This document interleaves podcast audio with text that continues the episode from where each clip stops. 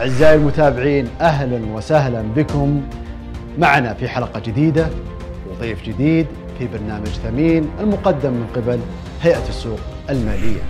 تابعونا لنصائح مبسطة وذات قيمة عالية.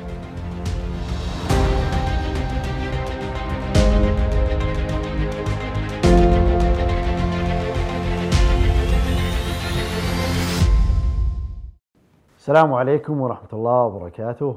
أعزائي المشاهدين أهلا وسهلا بكم في حلقة جديدة من برنامج ثمين التوعوي. اليوم معانا ضيف جديد ضيف متميز باع طويل في إدارة الاستثمار وإدارة الصناديق الاستثمارية إن شاء الله نستفيد منه. اليوم معانا آه، الأستاذ مازن بغدادي أبو فواز حياك الله اليوم معنا في برنامج ثمين ويا ليت تعرف بنفسك للمتابعين اللي ما يعرفون مازن بغدادي تعرفهم أكثر عن حياتك العملية. بسم الله الرحمن الرحيم. تخرجت من جامعة الملك فهد للبترول والمعادن في عام 2000 من كلية الإدارة الصناعية تخصص مالية.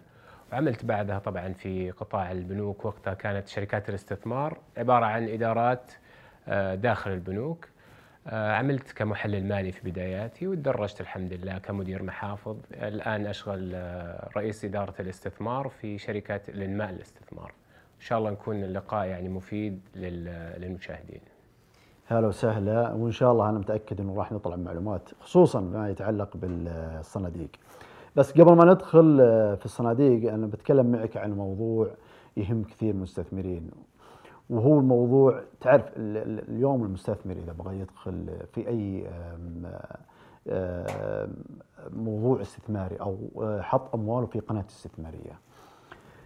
للأسف من التجربة طبعا إنه ما يكون عنده هدف آه، واضح من هذا الاستثمار. كل الاستثمارات تتشابه عنده بالنسبة له بينما في الواقع المفترض أن يكون عنده أهداف آه، لما يحط فلوسه في استثمار معين يكون له هدف منها ويكون له آه، توقعات معينة. خبرتك طبعا احتكيت أنت كثير مع المستثمرين ومع خصوصا الأفراد إيش ممكن أنت تضيف لهم ومش ممكن إحنا نوصل لهم رسالة كيف يحدد اهدافه الاستثمارية؟ طبعا أول شيء يجب تفهم دراسة الوضع المالي للعميل. تفهم متطلباته المستقبلية أو حاجاته المستقبلية. اليوم في شركات الاستثمار المرخص لها طبعا عندنا آه، إدارة اسمها إدارة الثروات اللي كان يطلق عليها آه، في السابق إدارة المبيعات. اليوم كثير من شركات الاستثمار تتبنى توظيف الكوادر اللي عندها شهادة التخطيط المالي. فبالتالي يكون المخطط المالي أو المحل يجلس مع العميل ويفهم متطلباته وإيش هو هدفه الاستثماري أو هدفه الادخاري؟ هل هو شراء منزل؟ هل هو مثلا تعليم أبناء مستقبلي؟ بالتالي يكون بوضع خطة متكاملة للادخار. بس قبل هذه الخطوة في شيء مهم جدا وهو موضوع المخاطر، هل المنتج هذا مناسب للعميل أو لا؟ اليوم مثلا عندنا في شركات الاستثمار أيضا آه، اللي هو الاستبيان استبيان إلكتروني أو استبيان حتى ورقي يكون فيه العميل بإجابة من 20 إلى 15 سؤال وبالتالي يطلع بنتيجة معينة المحلل اللي هو يسوي له تحليل مخاطر أو risk analysis ويعطيه نتيجة آه، الإجابات هذه بمعنى أنه هذه الفئة من الأصول مثل الأسهم يعطيه recommendation أو توجيه أنه أنت تقدر تستثمر اليوم في سوق الأسهم direct أو تقدر تستثمر عن طريق صناديق الاستثمار أو فئة الأصول هذه غير مناسبة لك تماما. بمعنى اليوم مثلا من خلال خبراتنا الشخصية يجي مثلا عندي عميل في إدارة التداول. عمره مثلا 85 ولا 90 سنة وما أخذ تسهيلات أنا ما عندنا مشكلة طبعا في التسهيلات أبدا كمنتج منتج مفيد لبعض بعض العملاء يساهم في تعظيم العائد إذا كان مناسب له لكن اليوم في فئة عمرية معينة إذا ما حصل لا سمح الله تصحيح في السوق أنت اليوم خسارتك تعتبر خسارتين خسارتك في التسهيلات وخسارتك في أسهمك نفسها. أيضا على سبيل المثال اليوم موضوع الساعة هي الريت أو صناديق الاستثمار العقاريه متداولة. اللي يفهم من تداول الناس في الفترة الأخيرة إنه بيشتريها على أساس يحقق هدف رأس مالي مع أسبوعين ثلاثة. طبعا رأس مالي تقصد إنه من ارتفاع سعر الوحدة أو سعر السهم نعم إيه. فبالتالي انت اليوم فقدت أهم شيء هو انت اليوم بالعكس بتساعد المستثمر اللي ما يقدر يشتري عقار إنه يبغى دخل ثابت يدخل في صناديق الريت ولكن مو هدفه إنه يسوي 25 أو 30% في أسبوعين ثلاثة. هي فقط ميزة ميزة للمستثمر إنه إذا ما راد يسير يسيل أمواله يقدر يسيلها لأنها فيها ليكوديتي وفيها تداول. أيضا أذكر لك مثال ثالث مستثمر يبغى يحافظ على رأس ماله ويبغى آه، يعني عائد أبسط من عوائد الأسهم مثلا يدخل في الصكوك أو في سوق السندات ويكون محتاج المبلغ بعد سنتين اليوم سوق الصكوك عندنا في السعودية سوق ما هو قابل للسيولة وما في تداول فبالتالي إذا جاي يبيع حيحقق خسارة حتى لأنه حيبيع ب discount أو بتخفيض معين حيحقق بخسارة. وبالتالي تنافى الغرض من الاستثمار تماما اللي هو متوجه له فئة الأصل هذا. طبعا أبو فواز أنتم آه، بالشركات الاستثمارية في إدارة الثروات كل هذا يوضح للعميل زين. هو ممكن ما يت... ما تظهر له ترى العملية هذه.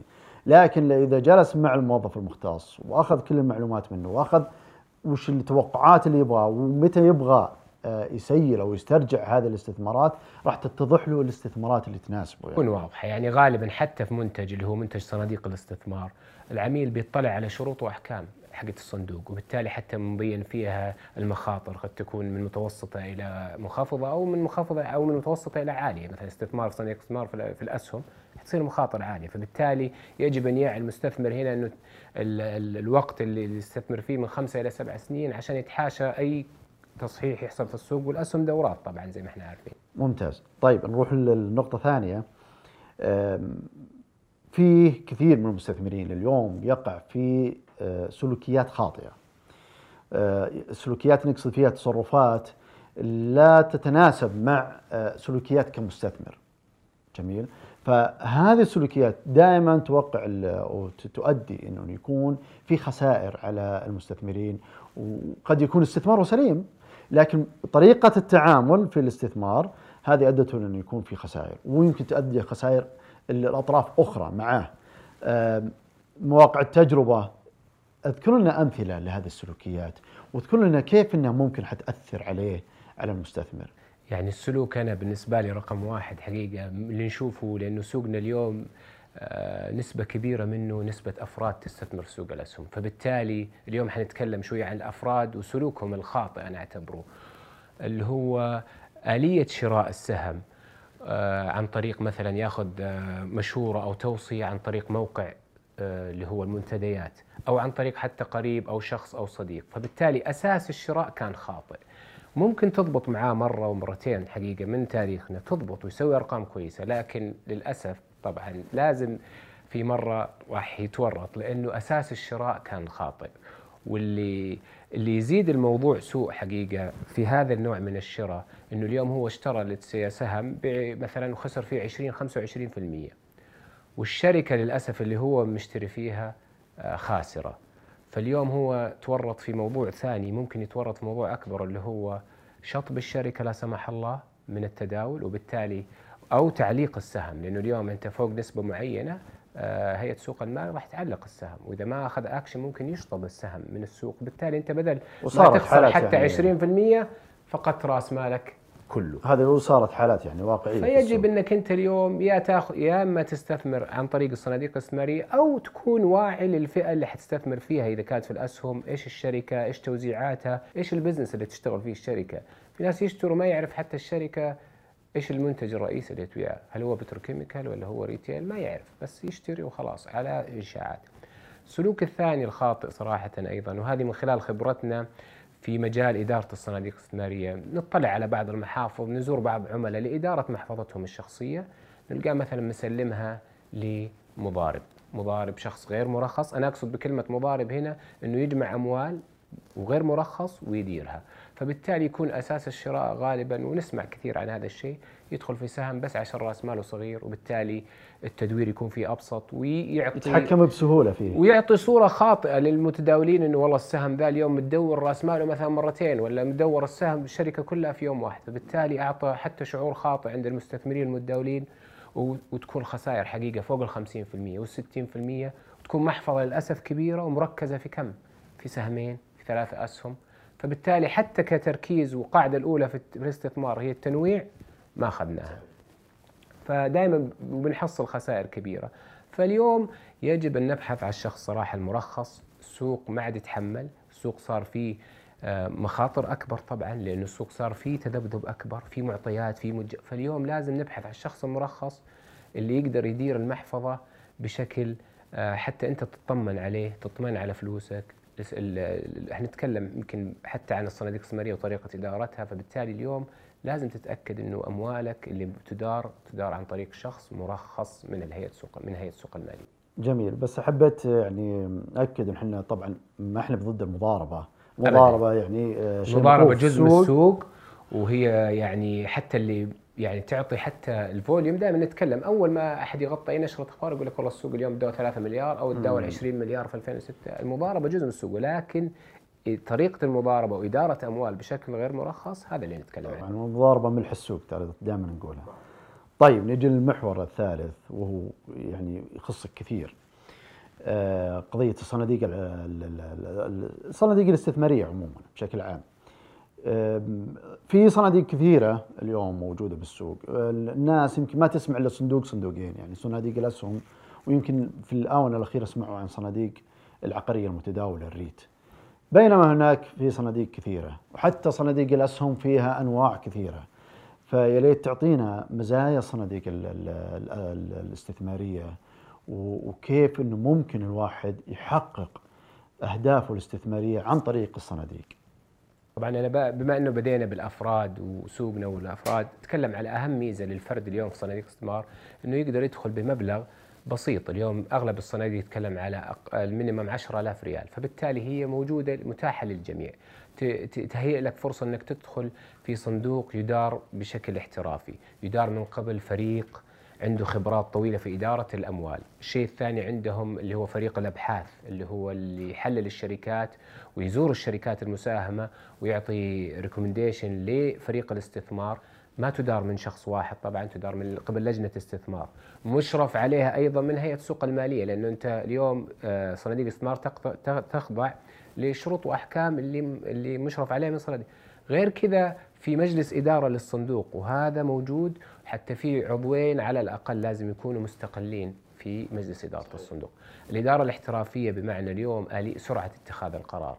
يعني اليوم مثلا عندي متغيرات زي ما ذكرنا في السوق كثيرة، اليوم أنا كمدير صندوق أقدر أتفاعل مع هذا الشيء، سواء كان إيجابي أو سلبي، ممكن يكون خبر سلبي بس سلبي وقتي، فأنا ما كمدير صندوق ما أقلق من هذا الشيء أو ما يعني لي شيء، بالعكس إذا شفت نزول في السوق وشفت في أسعار مغرية راح أشتري. والعكس صحيح ممكن يكون لا والله في أخبار تمس السوق فبالتالي ممكن أنا أسيل جزء من من الصندوق وأحتفظ فيه بالكاش وبالتالي حميت جزء من راس مال جزء من راس مال العميل. طبعا مو بس نتكلم على أسهم صناديق أسواق النقد اللي تهيئ لك فرصة كبيرة. أنت اليوم أبو خمسين ألف أو مئة ألف ما يقدر يروح يربط مرابحة بسعر كويس أو وديعة. اليوم صناديق الاستثمار توفر لك هذا الشيء. أنا اللي آخذ الأموال ويعني أودعها مع البنوك سواء بنوك محلية أو بنوك خليجية. تقدر تأخذ فيها سعر كويس. تأخذ فيها سعر كويس. وبالتالي هو نمى رأس ماله الصغير اللي ممكن هو كمرابحة وديعة ما يقدر يسويه. فالاحترافية هنا جزء مهم. أيضا جزء مهم هو حضورنا وتمثيلنا في الشركات. إحنا نحضر حتى جمعيات المساهمة للصناديق للأسهم اللي اللي عندنا. والدور هذا قاعد يتفعل شيء فشيء لدرجة ممكن حتى بيوم من الأيام نشوف أعضاء مجلس اداره في الشركة من إدارة الصناديق الاستثمارية. أبو فواز شكرا لك على كل هالمعلومات القيمة اللي إن شاء الله نتمنى إن تكون مفيدة للمشاهدين وعموم المتلقين. شكرا لك أبو فواز. شكرا أخوي عبد الله وسعيد وإن شاء الله يكون أضفنا شيء يعني للمستثمر لو بسيط إن شاء الله. وأنتم أعزائي المشاهدين شكرا لكم وإن شاء الله ترقبوا حلقة أخرى إن شاء الله جديدة مع ضيف متميز بإذن الله. Bye.